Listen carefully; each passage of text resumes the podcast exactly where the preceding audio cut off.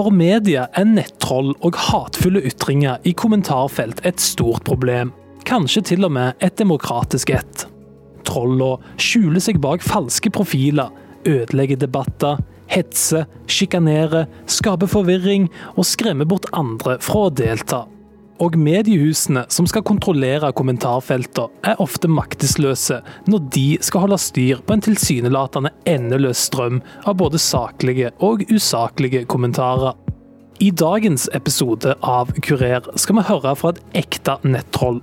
For å finne ut hvorfor han troller, og hvem mennesket bak alle kommentarene er.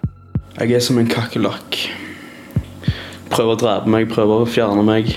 Prøver å sensurere meg, og jeg kommer tilbake til slutt. Uansett. Jeg kan overleve en atomkrig. Og vi skal bli med på innsiden i et av Norges største mediehus, for å høre hvordan de jobber for å holde trollene i sjakk. Det er mange som frykter kommentarfeltene. Det er mange som også, i hvert fall en del, som, som, eh, som eh, er bekymret for å skrive fordi de er redd for hva som måtte komme i kommentarfeltene. Du hører på Kurer, og mitt navn er Ola Solheim. Det er sånn, skjønner du, at i riktig gamle dager så trodde de at trollene ikke tålte å få sol på seg. Hvis det skinte sol på dem, så ble de til stein med det samme. For folk flest, når de hører ordet troll, så vekker det nok bildet av et overnaturlig, urnordisk vesen som bor djupt i den uberørte naturen. De er tørste etter blod og har skumle hensikter. Men det er ikke disse trollene vi skal snakke om nå. For det finnes et moderne troll som du helt sikkert har hørt om før, nemlig nettrollene. De bor på internett og i kommentarfelter.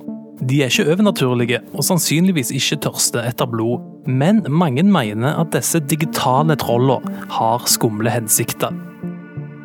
Et uh, nettroll er jo per definisjon uønsket, uh, altså noe negativt. Noe vi vil bekjempe, noe som er litt mystisk. Det snakkes jo ofte om nettroll som om det er noe som sprekker når det kommer til lyset. Og, og derfor så, så, ser vi for oss kanskje et nettroll som er i en mørk kjeller, eller som er en, en, person som kanskje ikke har det så bra, eller kommuniserer dårlig med omverdenen, og som, som, uttrykker seg gjennom disse formene. Altså en, en, en grad av sabotasje av den offentlige debatt. Vi befinner oss på Institutt for medier og kommunikasjon på Universitetet i Oslo. Og dama du hørte her, er Gunn Endli, professor i medievitenskap. Hun har nemlig forska på nettroll, de ulike formene og hvem som er menneskene bak tastaturet. Fenomenet har nemlig eksistert ganske lenge, helt siden vi fikk digitale forum og nettsider på slutten av 90-tallet. Men siden da har det vokst i både omfang og i variasjon. Et nettroll det er jo en samlebetegnelse på veldig varierte former. Altså Det kan være bare en spøk, eller folk som bare vil ha, gjøre et prank, ablegøyer. Eller det kan være veldig veldig gjennomtenkte politiske aksjoner hvor man vil oppnå en spesiell effekt. Altså hvor man vil manipulere opinionen, hvor man vil skape forvirring, skape frykt, kanskje. Eller undergrave enkelte fakta. Altså ja, bare komme med, eh, med innspill som skaper kaos. Som vi hører, kan ordet nettroll bety ekstremt mye. Vi skal se vekk fra den organiserte og politiske formen for trolling, nemlig trollfabrikker og politisk propaganda. Vi skal holde oss til det vanlige nettrollet, som sikkert både du og jeg har sett flere ganger i kommentarfeltet. Det er nettrollet som har blitt en del av populærkulturen. Som også har fått en slags uoffisiell kjenningsmelodi som heter trollololol, som du hører i bakgrunnen her.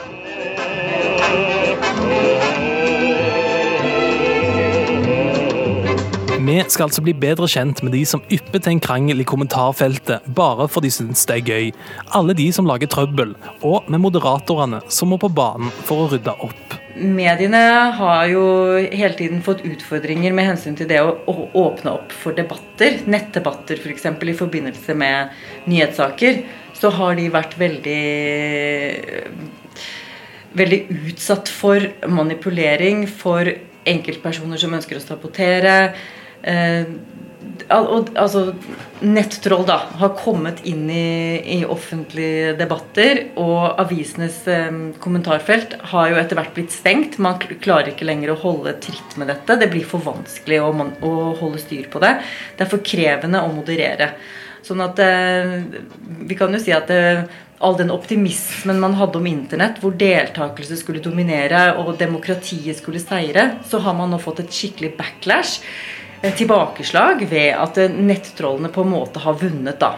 Fordi at da har avisene stengt sine kommentarfelt. Og de har sagt nei, dette fungerer ikke. Vi vil ikke slippe til folk fordi det er for mange som ønsker å manipulere.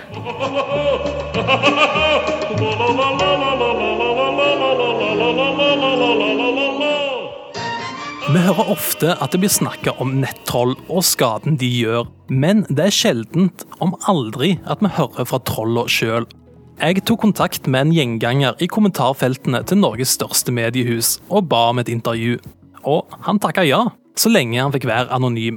Passende for et nettroll. Vi kaller han Thomas, og han skriver ting som dette i kommentarfeltene. Knut Arild Hareide er en enorm taper. Tapermann. Han elsker noe å tape forestille seg sjøl som Jesus på korset. Vi trenger et mangfold av høyt kompetente mennesker, ikke et mangfold av hudfarger. Vi burde avvikle julefeiringa og erstatte den med en feiring av muslimske emigranter og muslimske gruppevoldtekter. Trolling er et kunst. Det er en uh, psykisk uh, interaksjon mellom uh, to individ over internett. det kan være så mangt. ingen trollesessions er like det er ikke det samme eh, man, man, snakker om, eller det samme innholdet man kommer med. Det, det er en case by case basis. Er du et troll? Jeg er et menneske, så altså Noen ville nok kalt meg et troll, andre ville kanskje kalt, kalt meg noe annet. ikke sant? Hva ville det vært? Ja, en kommentator. Uh, en um, bidragsyter i den offentlige diskursen. Um, jeg er som en kakerlakk. Prøver å drepe meg, prøver å fjerne meg, prøver å sensurere meg, og jeg kommer tilbake til slutt. Uansett. Jeg kan overleve en atomkrig. Det er ei fin linje mellom trolling og netthets. For noen kan den uønska oppmerksomheten og det som fort utvikler seg til å bli trakassering, være så belastende at det ender i selvmord. At konsekvensene av nettrolling kan være så ekstreme, kan kanskje være lett å glemme når du sitter i ditt eget hjem trygt bak en dataskjerm. Er dette noe Thomas tenker på når han går løs på et kommentarfelt? Ja, jeg, innledningsvis så nevnte jeg jo at det finnes forskjellige definisjoner av, av, av trolling. Men det finnes jo uh, selvfølgelig folk som meg. Det er helt uh, soloklart. Men uh, det finnes òg folk som, som kun er ute etter å uh, provosere. Som kun er ute etter å um, rakke ned på folk eller, eller være stygge med folk. ikke? Uh, men Og så er det selvfølgelig de som faktisk driver med netthets. Som driver med uh, injurie og rasistiske og oppfordring til vold og sånne typer kommentarer. jeg identifiserer meg ikke med, med, dem, med de to. Thomas beskriver trollingen sin som han nærmest tar stikkprøver i kritisk tenkning hos de andre brukerne. Han sier han vil utfordre dem, men er det bare han som rettferdiggjør sin egen private underholdning på bekostning av andre? Når du setter deg ned foran tastaturet og begynner å skrive på et kommentarfelt, og du er ute etter å få reaksjoner, hva, du, hva du tenker der da? Liksom? Jeg bruker ikke mye tid på det her. altså. Er det her noe jeg gjør sånn uh, off the cuff uh, innimellom jeg uh, kjeder meg de få minuttene av livet mitt jeg kjeder meg? Det er ikke, det er ikke, det er ikke mer enn en fem minutter i løpet av en måned. liksom, Men det, det, det, trengs ikke så mye. Det trengs 15 sekunder, liten kommentar, så setter du av en atombombe. ikke sant? Og så, og så eksploderer hodene til folk fordi de kan ikke fatte. De kan ikke tro at det fins folk som mener noe annet enn det de sjøl mener. Det vil jeg hjelpe dem med å innse, da, at det fins folk som mener ting som de, de ikke mener. Man blir kanskje ekstra provosert når du vet at personen som kommenterer, skjuler seg bak en dataskjerm, og i liten grad blir ansvarliggjort for det han eller henne skriver. Flere etterlyser sanksjoner og tydeligere konsekvenser for de som går over streken. Men det litt paradoksale med medias korstog mot nettrollene er at selve jakten og det å ansvarliggjøre dem nå har blitt sin egen form for underholdning. Det begynte i Sverige med TV-programmet Trolljegerne, hvor de spurte opp og konfronterte nettrollene. I kvällens Trolljägarna konfronterar vi näthataren Kattan57 som skrivit mer än 6000 kommentarer på olika hatsidor. Utvisning? Nej, avlivning på avskrädet. En sån ska bara utrotas. Jag vill fråga dig lite om Kattan57. Kattan 57? Kattan57. Etter det var malen satt, og VG fulgte etter med å konfrontere og henge ut nettroll over telefon. Ja, hallo? Ja, hei. Er det Åse Karin Lundqvist? Ja.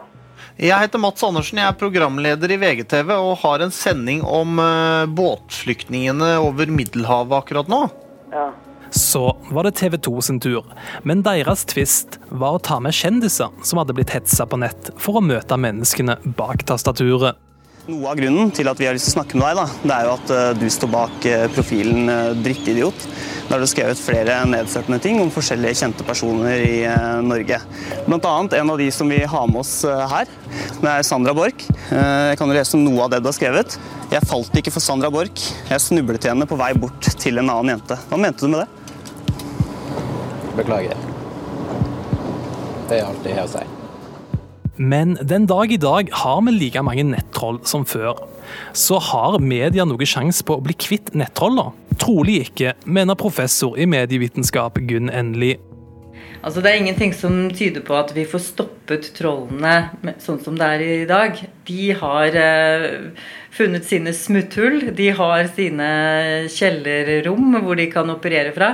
Internett er fritt. Eh, det er lite kontroll på, på dette. sånn at, eh, at vi har en, eh, en katt og mus-lek hvor man eh, trollene finner nye eh, former og nye inngangsveier til offentligheten. Og offentligheten finner nye måter å forsvare seg på. Og også å, å dekode eller å, å avsløre trollene, da. Yeah, yeah, yeah, Ok, så mediene kan altså se lenge etter å kvitte seg med nettroller i kommentarfeltet deres. Men de kan heller ikke gi opp kampen. Så hvordan jobber da egentlig et mediehus i dag for å sprekke trolla? Nå, nå, er jeg inne på Aftenpostens uh, Facebook-side. Uh, vi, vi, prøver å poste én sak hver, hver, eneste time. Nå skal jeg legge ut en sak på Facebook Um, det er da en sak om uh, Donald Trump og uh, Nancy Pelosi, som hadde et møte i uh, det, det, ovale kontor, som, hvor de, hvor de krangla en del. Vi befinner oss hos Aftenposten, og midt i hjertet av digitaldesken, sammen med journalist Olav Eggesvik. Det er her de lager den digitale forsiden til avisen, og holder styr på kommentarfelt på saker de legger ut i sosiale medier. Eh, jeg vet jo nå at når jeg legger ut denne saken her, så må jeg antageligvis eh, bruke mye tid på, på å følge med i kommentarfeltet, for det kommer til å, til å, uh, til å komme mange kommentarer. Og det kommer til å bli en hard debatt. En ting jeg ser veldig mye av, er at folk leser ikke sakene før de kommenterer. De, eh, de, slenger ut en ganske krass påstand, og så av og til så går vi inn og, og svarer og sier at det du, det du, spør om her, det står, det står i saken. Eh, det ser ikke ut til å ha så mye effekt. Jeg, har et eksempel her. Eh, fra en sak om uh, Ola Elvestuens uh, 50-årsdag, som ble delvis betalt av stortingsgruppa til Venstre. Skal se om jeg finner det her. Der er det da en fyr som spør Altså, vi, nei, vi, vi, vi la ut en sak om, uh, om stortingsgruppenes pengebruk. Og da er det en kar som kommenterer at dette er en ikke-sak. Venstre betalte 50-årskalasen til Elvestuen. Det kan det skrives om hvor da en av våre journalister påpeker at her er artikkelen vi skrev om det du etterspør. Og da svarer han ja, det er ganske ille. Det skal vel dysses ned. Da blir du oppgitt av mange av disse kommentarene dere får inn? Da blir jeg oppgitt. Jeg, jeg vil gjerne ha protokollført at jeg mener vi burde få et tillegg, vi som må sitte og lese gjennom alle disse kommentarene hver eneste dag. Jeg, jeg kan komme hjem og være ganske, ganske sliten i hodet. For debattredaktør i avisa, Erik Trones, har nettrollene blitt dagligdags. Han snakker gjerne om hvordan de påvirker jobben hans, men på én betingelse. Man kan ikke kalle dem for nettroll. Nei, Det er eh, fordi jeg mener at det tar bort litt av ansvaret hos de som skriver det. De er mennesker, de er ikke troll. eh, Og den betegnelsen er med på å fjerne den realiteten. Eh, Dessuten, syns jeg det er rart at folk som kritiserer noen for å skrive dumme ting, for å gjøre ting de ikke bør gjøre, eh, velger å karakterisere andre som troll. Eh, Jeg syns ikke, ikke det er noe noen eh, konstruktiv måte å, å debattere på heller. Så jeg, jeg liker ikke begrepet, men jeg ser jo at det er veldig utbredt. Så det er mange andre som liker det. Ja, Det som er problemet, er at kommentarfeltet man ser, Det ser man jo, det er jo et alvorlig problem. Det er mange som frykter kommentarfeltene. Det er mange som også, i hvert fall en del, som, som, eh, som eh, er bekymret for å skrive fordi de er redd for hva som måtte komme i kommentarfeltene. Så det er jo ikke så veldig ofte, riktignok, men, men det hender jo fra tid til annen at vi er i kontakt med debattanter og må liksom forsikre dem om at hos oss så skal vi ta eh, godt vare på, på deg som debattant. Eh, dette godtar vi, og dette godtar vi ikke. Vi følger så og så godt med på kommentarfeltene. Eh, og det er klart at da, da er det en trussel for demokratiet igjen, når kommentarfeltene kanskje skremmer noen fra å skrive. Så, så, så sprer det frykt, og det ødelegger en offentlig samtale som, som jo vi mener er veldig, veldig viktig. Eh, Så på mange måter så er det helt ødeleggende. Aftenposten har valgt å beholde de tradisjonelle kommentarfeltene på nettavisen. Det vil si at brukerne kan diskutere innholdet i artikkelen helt nederst i saken. Men i dagens debattklima, fullt av nettroll og andre sterke stemmer, kommer det med sin pris. Ja, eh, det er riktig å si at Vi har ikke flyttet ut ansvaret, for det ligger fortsatt hos oss. Men eh, den praktiske gjennomføringen av modereringen den skjer hos et selskap som heter Interaktiv eh, sikkerhet, som holder til i Sverige. De tar, da, tar seg da av modereringen og gjennomlesningen av det som er i de tradisjonelle kommentarfeltene. Eh, og- Interaktiv sikkerhet eh, har veldig mange eh, av eh, mediehusene i Norge som kunde. Og det er jo rett og slett en, et resultat av at de forfulgte tettere enn det vi ville hatt anledning til å gjøre. Tidligere så holdt vi det selv. Da hadde vi folk som var innom debattene, leste gjennom alt eh, hver tredje-fjerde time. Mens Interaktiv sikkerhet leser gjennom alt eh, senest i løpet av en time. Når det bare er de tradisjonelle kommentarfeltene det er snakk om, har mediehusene de beste kortene på hånda. Her har de full kontroll. De kan bestemme sjøl når på døgnet det er mulig å kommentere. De kan fremme krav om å ha fullt navn, og i verste fall så kan de velge å ikke åpne for kommentarer i noen saker. Men fremveksten av sosiale medier har gjort ting vanskeligere for mediene. Det er ingen tvil om at eh, sosiale medier har påvirket journalistikken, for man ser hva er det som fungerer når det gjelder deling. Eh, samtidig så må man også, ser man også hva er det som, hva er det som, eh, hva er det som øker risikoen for at ting skal gå galt. Da. Eh, Og da er det, Hvis du har en type saker som handler om hvis det er kritikk mot enkeltpersoner f.eks., så vet man jo at det er det større risiko for at det kommer personangrep, som jo vi ikke godtar. Og så spørs det på en måte hva gjør man med det. Eh, eh, det er, på Facebook så kan man jo ikke skru av kommentarfeltet heller. Eh, Så i noen, sånn, i i noen ekstreme tilfeller så, så blir jo spørsmålet da skal vi publisere den saken på, Facebook i det hele tatt, eller skal vi la være å gjøre det. Eh, Sånn, hvis man setter det veldig på spissen, så er det et, et problem for demokratiet, rett og slett. Media står i en vanskelig posisjon. De skal forsvare ytringsfriheten, fremme samfunnsdebatten og deltakelsen i den. Samtidig skal de òg luke bort de råtne eplene, uten noen særlig effektive verktøy. Så det store spørsmålet blir hvordan skiller man mellom nettrolling og ytringsfrihet? Dette skillet har etikkredaktør i NRK Per Arne Kalbakk tenkt mye på.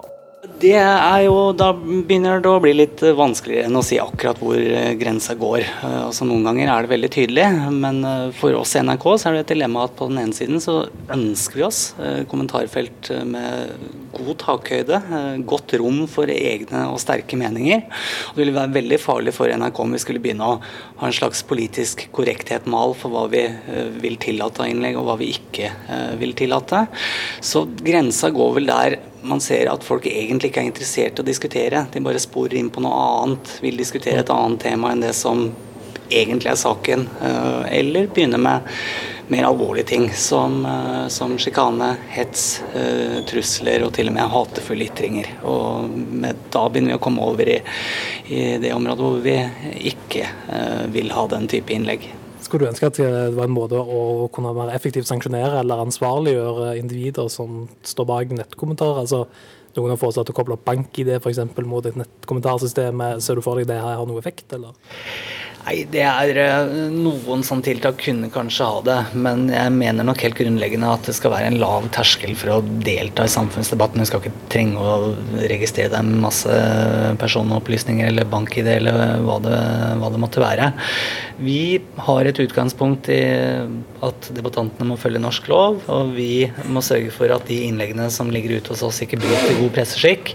Og bortsett fra det så mener jeg faktisk at det skal være en lav terskel for å delta, og en stor eh, takhøyde for å mene i eh, kommentarfeltene. Forholdet mellom media og nettrollene vil nok forbli en katt og mus-lek så lenge kommentarfeltene finnes. Begge gjør hverandre bedre. Nettroller og mediene er i hver sin skyttergrav, så derfor benytter jeg muligheten til å åpne for litt dialog mellom partene. Og jeg ga etikkredaktør i NRK, Per Arne Kalbakk, muligheten til å stille nettrollet vårt, Thomas, et spørsmål. Får du noen gang dårlig samvittighet over at du brukte masse tid på å trolle og ødelegge en debatt som egentlig var ganske god, og folk hadde en god eh, meningsutveksling før du kom inn og trolla det i stykker? Det, det, er som, det er som om en, eh, en prest på en måte skulle sagt at uh, Får du ikke dårlig samvittighet fordi du runker, liksom? Det er sånn eh, totalt uh, uaktuelt moralsk problemstilling for meg. Uh, uh, nei, jeg, jeg er faktisk litt dårlig samvittighet for at jeg ikke, ikke troller mer. Fordi jeg ser jo ikke på voksne mennesker som barn i seg sjøl. De er jo voksne mennesker. De, de klarer fint å håndtere en, en, en vemmelig kommentar på Facebook. De kan reise seg eh, hvor tid som helst, skru av skjermen, skru av datamaskinen, gå ut i naturen, gå en tur, snakke til naboen sin, ringe mor si, si at de er glad i mor si. Det går an altså å, å ta brannfakkelen av voksenlivet sjøl. Istedenfor å klage, istedenfor å sende klage til Facebook og få meg banna i 30 dager. Eh, sender jeg klager til Aftenposten om alle de vemmelige nettrollene som, eh, som gjør livet mitt surt for meg. Eh, Det er ingen som tvinger deg til å være på Facebook.